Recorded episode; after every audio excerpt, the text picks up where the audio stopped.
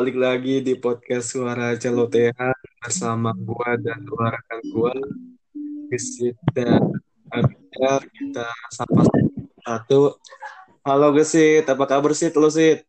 Yo yo, bye bye, alhamdulillah. halo Abidar apa kabar lu? Alhamdulillah. Baik ya Allah.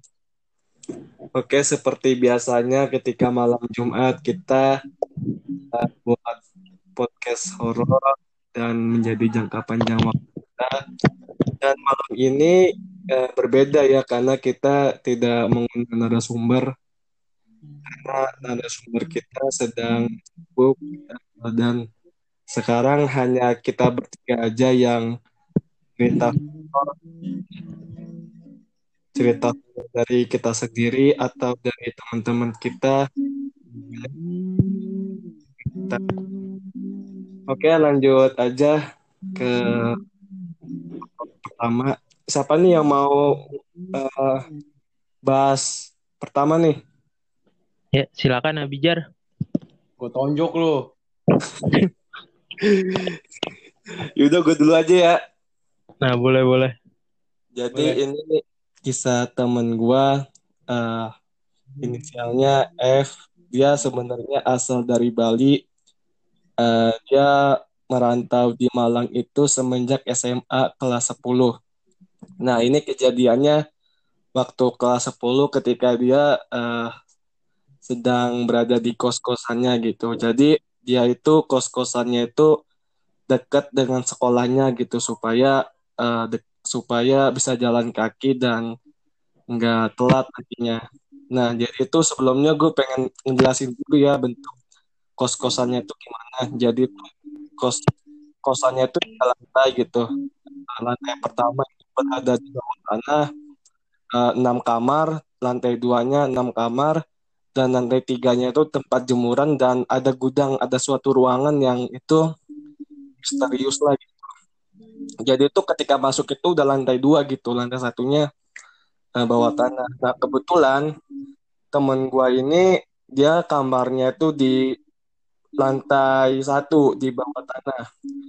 Nah ketika dia ngekos itu dia heran karena kos-kosannya gede gitu dan dan ada 12 kamar tapi nggak ada satu orang pun yang nempatin. Cuma dia doang dan pembantu kos-kosannya gitu. Nah karena dia penasaran akhirnya dan akhirnya dia nanya tuh ke pembantunya gitu. Bu emang nggak ada yang mau ngekos di sini. Ini padahal tempatnya strategis banget ya. Eh, ada jalanan terus depannya juga ada eh, sekolah gitu. Pokoknya sangat apa sangat strategis lah tempatnya. Cuma nggak ada yang nempatin gitu. Terus kata eh, pembantu kos-kosannya tuh bilang ada sebenarnya cuma eh, sebulan dua bulan dia tuh nggak betah. Dan alasannya itu sama aja gitu pengen pindah dekat kampus gitu pengen pindah ini itu gitu. Nah itu yang buat heran ke ke pembantu ibu kosnya. Nah terus temen gue nanya lagi nih ada hal-hal yang misterius gak eh bu nggak tahu saya juga gitu kan. Nah pada akhirnya dia ini pengen ngejemur eh, baju gitu pakaian di lantai tiga no maghrib maghrib nah pas lagi dia ke lantai tiga itu dia nemu satu ruangan gitu. Nah pas lagi dia mau ini pas lagi dia mau turun itu ada yang dorong nggak tahu siapa. Pokoknya dia jatuh dia baca istighfar gitu. Istighfar. Nah kebesokan harinya itu si ibu kosnya itu ngingetin gitu "Eh, kamu jangan buka ruangan yang ada di lantai tiga itu kenapa bu? kata dia. Soalnya itu eh, gudang gitu. Oh yaudah gitu. Nah waktu dia pengen ambil jemurannya lagi di maghrib lagi. Nah dia ngambil pas lagi mau turun ada yang dorongin. Tapi ini lebih parah lagi. Sampai dia ngegulinding apa? Ngegilin apa? Ngegulinding itulah pokoknya. Sampai dia kesakitan. Bingungnya dia ngajar cerit. Tapi nggak ada satupun yang respon. Membantu ibu ibu kosnya tuh. Nah, kayak besok harinya tuh dia tuh ditanyain kan sama ibu kosnya gitu. Kamu kenapa dek? Eh, aku tadi ada yang dorong bu di lantai dua gitu.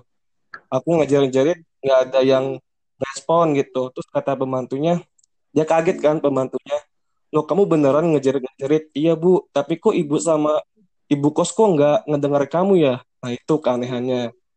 Nah waktu itu di suatu saat si keluarga uh, si ibu kos ini kedatangan keluarga besar gitu lah. Nah, di pokoknya aksi-aksi yang ngobrol itu ada satu anak bocah dia tuh kecil lah pokoknya.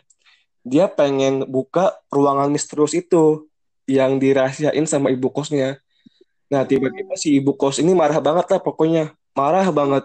Sampai ngedebolehin gitu. Kamu jangan masuk situ ya gitu katanya. Sampai dimarah-marahin aja. Nah timbul lagi tuh pertanyaan sama teman gue ini ada apa sih di di ruangan situ gitu ya. Pas lagi malam-malamnya pas lagi malam-malamnya tuh dia mau kencing tuh. Mau kencing ke toilet ya ada tuh kayak ada suara-suara gitu di ruangan itu.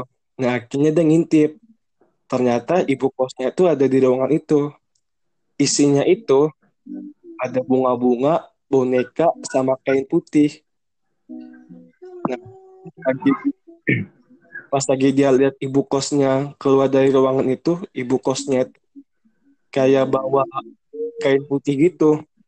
Bawa kain putih gitu. Nah itu kan gimana ya? Pokoknya aneh banget lah gitu. Kenapa yang isinya boneka bunga-bunga sama kain putih itu sangat dirahasiakan sama ibu kosnya? Nah pas lagi dia di kamar itu suasana tiba-tiba panas banget. Seperti biasanya kan kalau di Malang tuh kan dingin. Ini panas banget. Dia buka murotal lewat MP3 gitu tiba-tiba suasananya nggak panas lagi tuh. Panas lah pokoknya. Nah semenjak dia pengen pindah kos-kosan tuh akhirnya dia pas lagi enam bulan itu di kota uh, udah pindah gitu. Setiap dia pergi ke pasar itu dia ketemu pembantu ibu kosnya. Pembantu kosnya tuh kayak dia tuh kayak nggak suka gitu. Akhirnya dia pengen nanya ke temen ke temennya yang kebetulan ngekosnya itu di samping gitu. Itu kan suka banget itu sama sama temannya ditanyain ini kok kenapa ya pembantu kok kos dulu kok kayak sinis banget lihat aku gitu di pasar gitu. Terus kata si temannya ini ya semenjak kamu pindah ke kosan itu tiba-tiba si bapak ibu kos ini meninggal suaminya itu meninggal suami ibu kos ini meninggal gitu. Nah semenjak itu ibu kosnya itu ini pindah gitu. Yang jadi pertanyaan itu kenapa pembantu ini ngeliat aku kok sinis banget gitu. Padahal kan dia gitu. Pas lagi dia pergi sekolah itu dia tuh ngerasa kayak ada ngikutin kayak dibebanin gitu. Nah akhirnya dia nanya ke salah satu guru yang bisa ngeliat gitu kan. Nah kata si guru itu guru ini bilang oh itu oh itu itu ada sosok yang ngikutin kamu dari kos-kosan kamu yang dulu. Tapi kamu jangan panik ya kalau kamu panik sosok ini bakal uh, ngikutin kamu setiap hari dan dia bakal seneng ganggu kamu. Kalau misalkan dia ganggu kamu, kamu istighfar aja begitu. Pokoknya semenjak itu uh, udah semenjak dia pindah itu suasana tuh udah gak makin keras lah pokoknya. Itu sih. Lo ada yang mau cerita gak? Ya, gue cuma mau ini doang ya. Berpendapat nih sama cerita lu tadi nih Mi. Iya. dari temen lu ya. Iya. emang banyak sih ya kasus kayak horor-horor gitu tentang kayak boneka atau benda-benda keramat yang ada isinya gitu loh. Ya kan ya? Iya. nah emang tuh setahu gue ya kalau dari dulu nih kayak bijar nih. Bijar juga punya tuh benda-benda yang ada isiannya tuh. Ya bi ya Enggak anjing. nggak apa-apa bi. Udah santai aja bi. Nah itu emang biasanya kalau orang-orang yang punya kayak gitu tuh bendanya tuh harus dirawat buat banyak buat pantangannya lah. Kayak bijar tuh. Rambutnya harus gitu. Nah ini Undang. mengundang hal-hal buruk nih Mi. Biasanya Mi itu kalau lu ngkos ngkos lagi nih Mi lu hati-hati juga Mi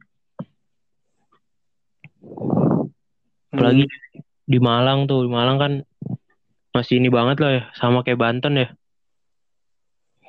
Ya bisa jadi sih. iya tuh kayak Chris tuh Chris Chris yang dimasuk masukin tuh wah zaman sekarang sih masih kayak gitu. Tapi ini sih apa? di Malang tuh emang sering banget tuh kayak cerita-cerita kejadian di kos-kosan itu. Kalau lo lihat di IG ma- apa Mari Bercakap itu dia kisah dari mahasiswa Malang di UB itu itu kisahnya, wih bener-bener horor lah pokoknya. ya iya bener Inilah pokoknya. yang di zaman sekarang juga masih banyak daerah-daerah yang kayak gitu.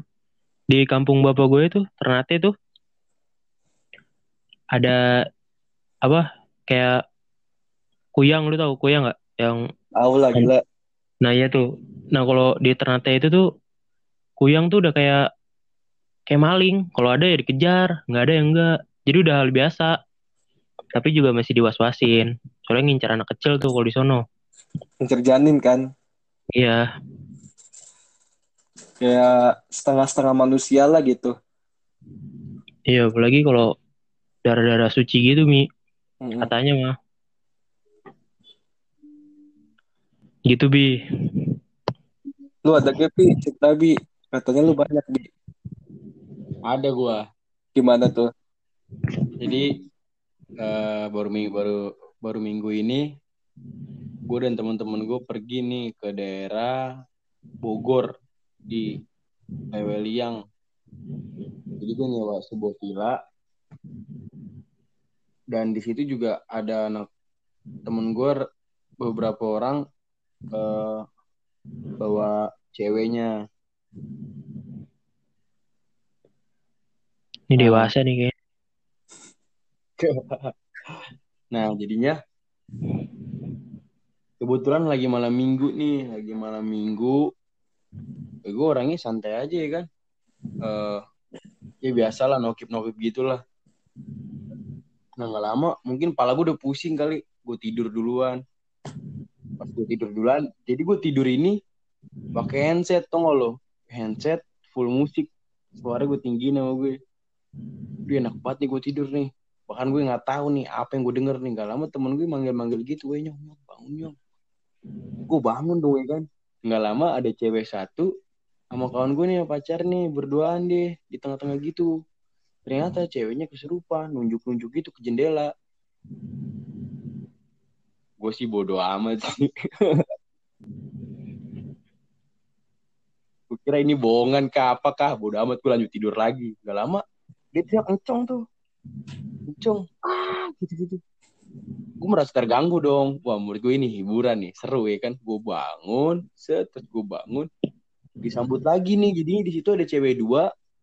Ada cewek dua duanya lagi. Kan ada empat cewek tuh. Dua lagi di eh tiga lagi. Ada lima lah tiga lagi di kamar di kamar cewek yang asli. Jadi dia tidur di kamar cowok tuh di plong kayak gitu. Nah yang cewek satu lagi yang gak kesurupan dia ngomong gini oh iya. Di di jendela ada bayangan katanya ada tiga bayangan. Bayangan apa? Naruto apa? Apa apaan? Gue ketawa ketawa ya kan ini orang. Ini orang apaan sih? Gue bilang gue tuh ma- masih biasa aja gue kayak nggak percaya kayak gitu aja kan. Nggak lama yang orang satu lagi nih yang nggak kesurupan bilang coba coba ambilin garam tabur tabur tabur. Di sekitaran apa? Di, sekat- di sekitaran pojokan. Gue kira emang setan ular apa? Takut sama garam ya kan? Gue ketawa itu gue ketawa. Nyamungnya nggak nyamungnya kayak nggak jelas tuh nggak lo? Gue nih apaan sih ini orang? Bercanda nggak sih? Gue sih bodo amat tapi yang gue inget tuh pas ke bawah pas gue ke bawah gue nyari minum gitu kan air putih kan ke dapur. Nah cewek yang kesurupan ini mau cowoknya ke bawah ke bawah tuh gelap kayak kolam ikan gitu ada saungnya gue sih gue tinggal gue tinggal gue tidur gue tidur udah nyenyak sejam dua jam lah baru gue dibangunin kejadian kesurupan udah sih gitu doang sih ceritanya gue nggak taruh nggak terlalu percaya sih gue kayak gitu-gitu sih sebenarnya Tuh yang surupan Serem sembuh sendiri tuh. Yang kesurupan sembuh sendiri nggak ya? Iya sembuh sendiri anjir dibacain morotal. Di, iya dimorotalin terus di setelin lagu apa? Di setelin lagu apa? Aisyah. Surat-surat, Yasin. Yang, lu- yang lucunya yang nyetel sama yang morotal orangnya habis mabok. Mana keluar setannya? Mana keluar setannya kan? setannya mana keluar ya kan? Iya susah sih. Yang ada pesta sama setannya. Abis mabuk setel merotal dia. Iya. Terus sosok sosok kayak paling bisa ngeluarin lagi gue ketawa-ketawa aja. Gue bilang di situ gue bilang anjir ini kesempatan dalam kesepitan gue gue ketawa aja gue bilang anjir. Gue aja gue aja yang tidur aja merasa haram dengerin morotal kayak gitu tuh nggak lo? Nah dia kan udah udah haram kayak gitu dengerin morotal terus diucapin lagi kata gue nih orang gila nih. Gue ketawa aja deh Kalau lu Ini gimana sih? Ah, kalau gue gue sejauh ini belum ada sih gue horror gitu. Hmm. Gue juga dengerin kalian aja dulu dah. nih ada lagi nih gue nih gue dapet cerita jadinya ada sepasang kekasih nih dia kuliah di di daerah Malang juga jadi dia teman SMA dari Jakarta dia ngerantau ke Malang dan dia beda kos dong. Ya kan cewek-cewek cowok-cowok. Iya.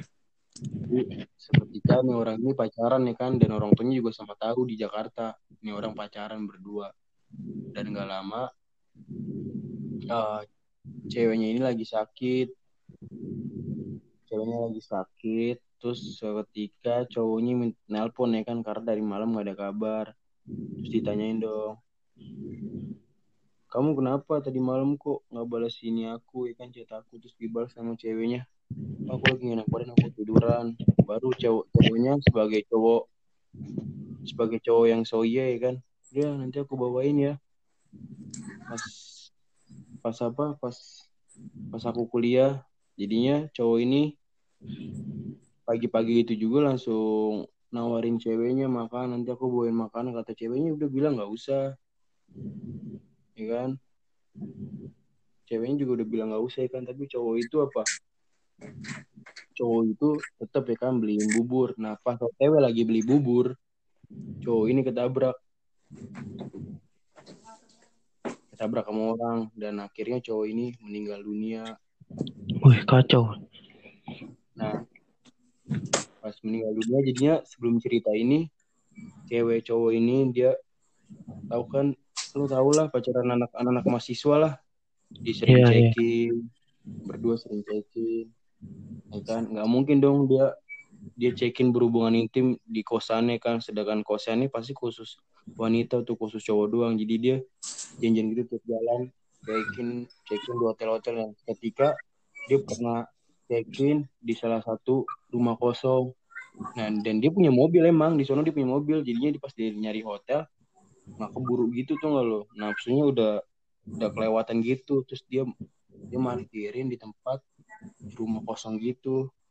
Jadi dia berhubungan intim di mobil di depan rumah kosong itu. Nah, ketika itu ketika itu dua hari dua hari kemudian cewek ini nah ini lanjutannya nih yang lanjutan yang tadi cewek ini sakit terus cowoknya cowoknya beliin bubur pagi-pagi ya kan? Karena chatnya dibalas ternyata ceweknya sakit ya kan? Pasti beliin bubur di pertengahan jalan ditabrak. Dan ternyata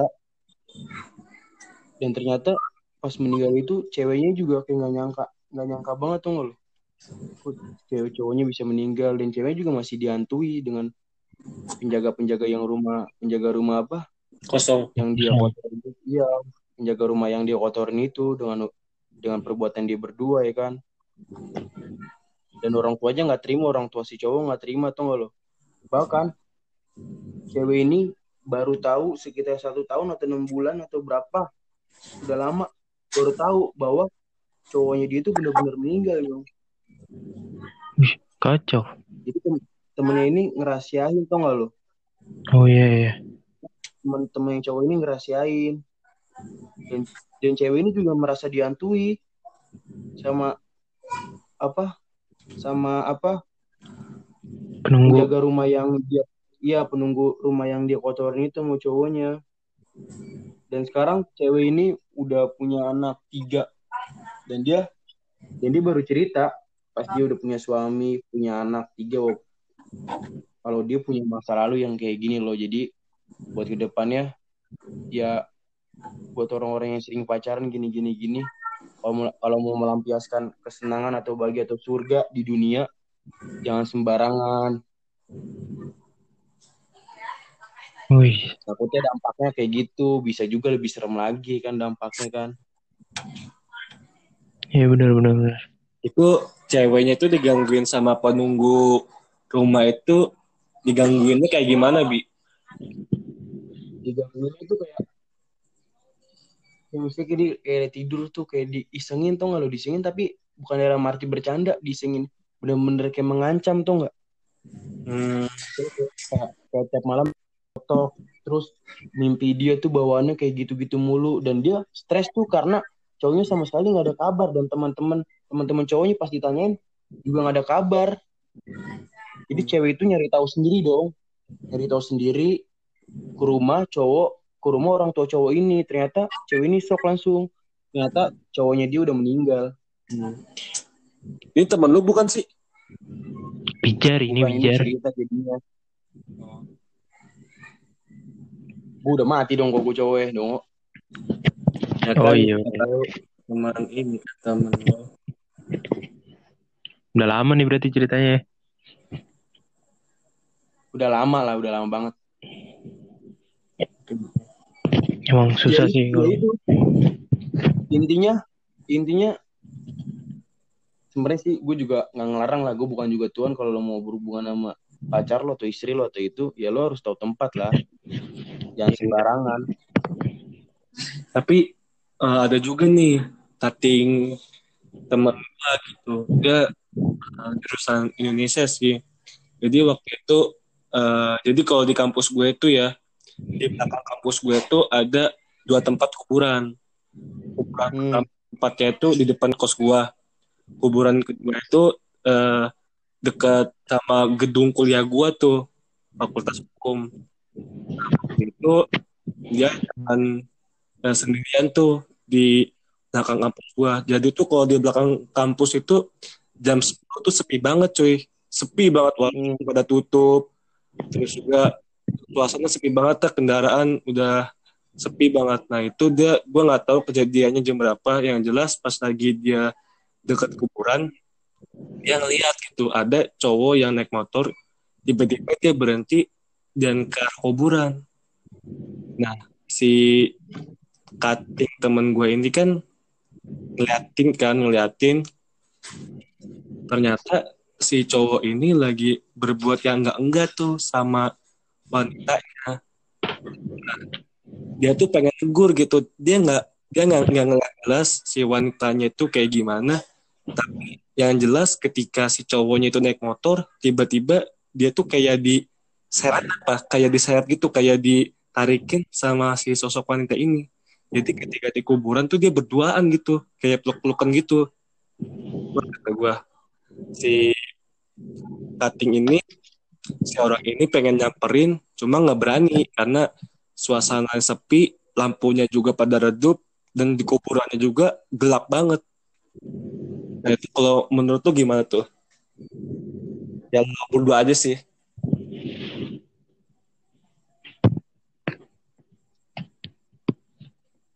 Tuh bisa bisa bukan orang gitu ya kan? Iya kayak ditarik itu sih ke kuburan. Nah iya itu. Emang kadang ada kuburan yang ini banget sih terus ada juga yang enggak sih. Hmm, kalau belum lihat langsung sih susah. Kalau iya sih. Kejarnya kasih tahu bi gimana bi? Lu lah lu kan punya ini ilmu. Ilmu apa bi ilmu kudu kudu lari nah ini lu nggak ada cerita-cerita sih Oh iya nih gue juga baru keinget nih.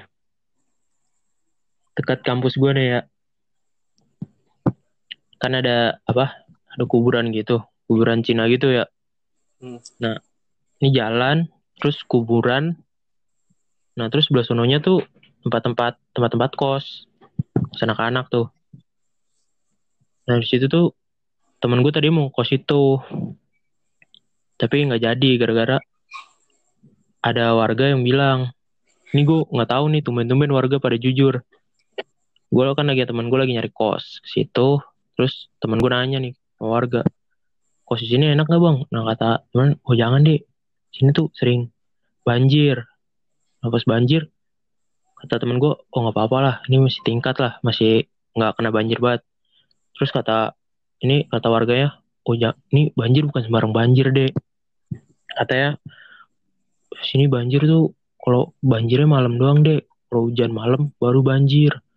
Nah banjirnya itu bau-bau mayat deh. Takutin gitu kan ya warganya. Gue sama temen gue masih slow tuh. nggak percaya gitu. Terus gue bilang ke temen gue, slow aja, bohong-bohong katanya. Habis itu gue sama temen gue nyari nih. Udah ketemu kosannya. Udah serak banget tuh temen gue. Terus nanya, tiba-tiba dibatalin mi bukan dibatalin tiba-tiba tuh kayak nolak gitu oh nggak bisa deh kayaknya nih mau direnov alasannya tuh waktu itu nah teman gue oh ya udahlah kata gue belum rezeki nih terus gue sholat dulu nih sholat waktu itu waktu asar tuh sholat gue temen gue mau sholat. Ada jamaah kan tuh ya. Temen gue untung temen gue bagus nih so iya banget dia orangnya. Mirip sama teman kita nih satu. Siapa tuh? kayak Vicky lah modelnya lah keren dia. Dia nanya tuh sama warga yang lagi jamaah tuh lagi duduk juga. Uh terus kata kata warga itu tuh ternyata nggak ada nggak ada yang buka kos mi Hmm. nah situ gue kaget ih gila padahal gue dari tadi muter-muter ngeliat banyak petanda kos Ternyata kata warga nggak ada mi padahal siang-siang mi siang-siang Mi. Aneh sih. Nah iya, gue gue juga nggak ngeh. Ada warga, oh gue gue di situ langsung down ya, mikir gue langsung mikir, oh jajan tadi setan lagi yang gue gue omongin tuh. Tapi temen gue nggak percaya mi, terus dicek lagi mi. Tapi pas dicek masih ada mi. Nah, tau-taunya yang salah di mana? Di musolanya mi ternyata gue jamaah cuma berdua temen gue nanya nggak ada orang katanya Wih. Gila tuh. terus ya ini ini Wak. Ini. Itu kejadiannya kapan sih? pas semester semester 2 nih awal nih. Temen gue mau pindah kosan. Soalnya kan gue sholatnya di musola tuh musola buat ini yang nyolatin mandiin tuh. Di Hmm. luarnya situ. Padahal asar mi. Asar asar tuh nah gitu mi. Langsung tuh temen gue jadi dia sekarang PP dia. Nggak mau ngekos kos dia. Nah langsung aja nih. Nih udah tersambung nih sama temen gue nih. Halo bang. Halo, ada apa? nah ceritain aja bang. Langsung bang.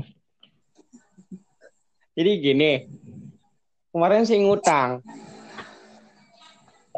Ngutang rokok. Ditanya beli rokok apa? Rokok mil berapa? Ketengan. udah udah gitu mi kurang lebihnya mi Oh gitu ya. Oke oke. Tapi kalau secara akal kalau secara akal sih ya. Hah? Kalau secara akal nggak logis. apa apa Kalau secara akal mah nggak logis.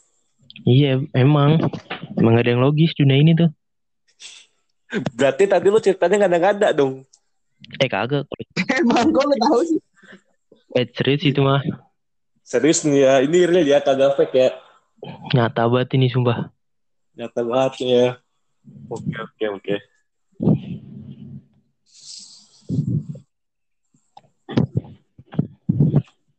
gue ada cerita lagi tapi kali ini gue yang ngalamin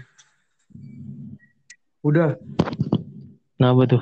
Gue ngalamin. Kalau ini gue yang ngalamin. Gimana gimana? jadiannya tuh waktu kelas 7 tuh itu waktu pelantikan bela diri di sebelah kita sih jar. Nah, waktu itu kelas 7 pelantikannya tuh di dalam eh di Menelangi di Menara Kitri. Nah di Menara Kitri. Nah tibalah pas lagi acara jerit malam nah itu jerit malamnya itu Lo tau gak sih tempat yang di depan Menara kita itu kayak ada turunan gitu, turunan lurus saja sampai eh nah ujungnya tuh ke sawah. Lo nggak tahu ya? Oh tahu tahu. Nggak tahu kan? Nah, ya pokoknya Kontinus. yang ada sungai-sungainya itu sih, mentoknya tuh situ. Iya iya. Nah, waktu itu gue jerit malam, gue kebagian kelas 7 nih, kelas 7 tuh Tadi ada bagi dua tuh, dibagi dua. Nah, karena angkatan gue ganjil waktu itu, nah gue dipilih sendirian sih. Itu waktu kelas 7 tuh. Teman-teman gue pada berduaan tuh, cuma gue doang sendirian. Gara-gara ganjil jumlahnya di angkatan gue. Nah, oke lah, gue mau nggak mau gue mesti berani lah gitu. Padahal mah masih banyak tuh bada, eh, teman-teman gue yang badannya bahkan yang lebih dari gue, yang lebih gede dari gue badannya, tapi cuma gua yang, ditunjuk sendirian. Nah, waktu itu gue ditunjuk jerit malam di bagian jam 2 tuh. Nah, setelah gue jalan sendirian nih. Jadi tuh jarak antara Spar sampai ke sawahnya tuh lumayan jauh lah gila pokoknya. Nah, pas lagi gue jalan tuh kan kalau di situ kalau malam-malam itu nggak ada lampu satupun, nggak ada lampu, pokoknya gelap gulita lah pokoknya. Benar-benar gelap gulita kecuali pas lagi di pertengahan tuh ada rumah. Pokoknya rumah apa villa gitu. Gue nggak tahu lagi. Nah di situ ada baru penerangan. Itu baru pertengahan doang. Nah, ketika gue nyampe ke villa itu kan masih ada cahaya cahaya dikit lah. Nah gue nanti itu ada pengurus yang lagi lewat yang jalannya itu apa ya berar apa eh, lawan arah sama gue lawan arah sama gue gitu lawan arah sama gue gue sapa kan namanya. Siapa namanya? Dia nggak jawab tuh. Gua sapa lagi nggak jawab. Pas lagi dia ngelewatin gua gua nengok tiba-tiba dia hilang seketika. Setelah itu bikin dulu kudu gua merinding kan. Akhirnya gua sugesti lagi. Gua nggak panik gua jangan panik. Kalau panik bakal kacau nih gua. Gua nggak bakal lulus pelantikan nanti akhirnya gua tenang tenang. Dan lagi gua ketemu lagi sama sama pengurus. Gue panggil namanya dia nyaut nyaut. Pas lagi yang lewatin gue masih ada orang oh kalau ini kalau kata gue pengurus beneran nih. Nah pas lagi gue nyampe itu gue nyampe ke salah satu pengurus yang tadi gue sapa. Orangnya tiba-tiba hilang itu. Nah gue gue ketemu di pos tuh ternyata orangnya tuh udah nyampe duluan di posnya Nah, keesokan harinya gue nanya kan ke salah satu pengurus, gue cerita semuanya tentang itu. Nah, akhirnya si pengurus ini cerita, wah ini gue uh, sebut aja ayah, eh se- sebut aja si H. Si H ini udah nyampe posnya tuh jam 12 malam nih. Nah, sedangkan gue berangkatnya tuh jam 2. Nah, berarti siapa dong yang yang gue temuin ini? Orangnya mirip banget percis, mirip banget. Nah, itu sampai gue pokoknya sampai uh, pengurus gue itu panik kan. Ini siapa nih yang yang ditemuin sama si Azmi nih? Padahal si orang ini udah nyampe jam 2 di posnya. Nah kebetulan di pengurus H ini dia posnya itu deket sama sesajen tuh gue kayak ada bau bau sesajen gitu. Kayak gila ya. baru lah gila. Kayak ada pisang kopi gitu dia dia tempatnya di situ pos-posnya deket banget sesajen tuh wah anjir kata gue ini siapa ya yang gue temuin di jalan ya gue sapa nggak nggak nyaut nyaut orangnya itu sih salah satu pengalaman di di CM di organisasi yang nggak bakal gue lupain sih Oh, iya iya. Kalau itu gue juga ada nih sama Bijar nih gue, Bi. Lu masih inget gak, Bi? Bi? Eh tidur nih bijar nih. Gue juga pernah Mi waktu itu Mi. Lagi pelantikan juga Mi. Oke oke. Tuh lagi survival nih.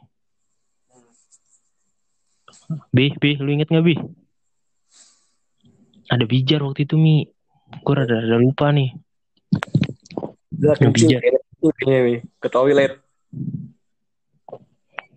Wah, taranya nih kalau ada kalau ada bijar nih. Nah tuh kalau yang tadi tuh lu Mi tuh emang banyak sih ngejelma-jelma gitu ya. Iya bener sih. Jadi orang lah. Kacau sih emang. Kalau lu gimana sih? Hah? Kalau- Kalau lu gimana? Ini nih, gua gua mau bijar gua waktu itu. Si bijarnya nggak ada ya? Tahu nih bi- bijar tidur ya.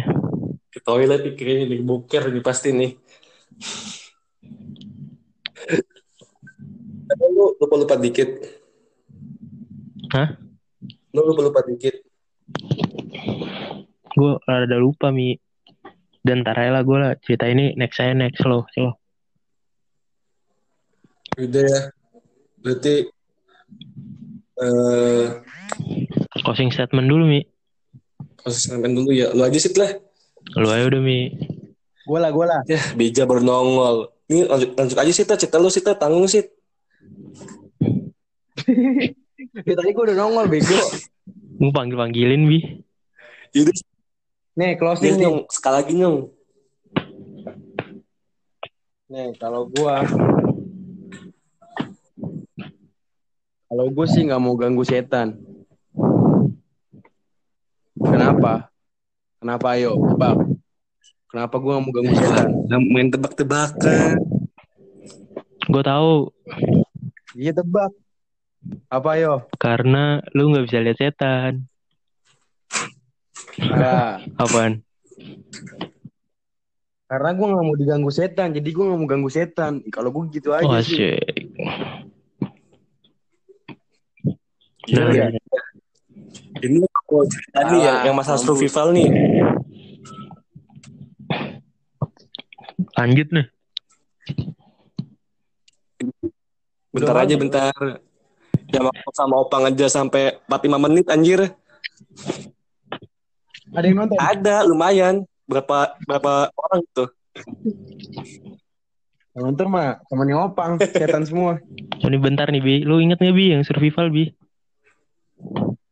Iya, lu di kamar Iya mandi. tuh kan kita sampai pagi tuh. Nah pagi ada yang hilang kan bi? Goblok itu dompetin dong. Eh gila. Tuh hilang bi tuh dompet. Anjir. Dibentin Dibentin asli itu. Deh, orang kita udah nyari ke mana-mana, gak ketemu. Ah, itu mah tai kucing gitu. Eh, itu Drama itu tai horor kucing. banget itu sama gue tuh. Gue sampai mau pulang gue. Sampai sekarang lu masih Iya. mikir ya? Katanya Udah, gitu udah. kacau sih.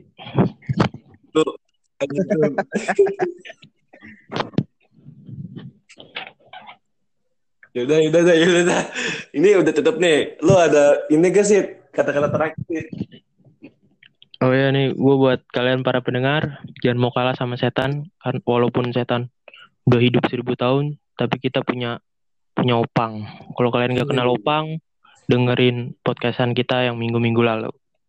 Oke, Oke. sekian dari gue. Lanjut nih. Oke, kalau gua jangan takut sama setan karena kita makhluk punah dari dia. Oke, sudah itu aja sih. Oke. Asik kalau gue Kalau gimana, Pi?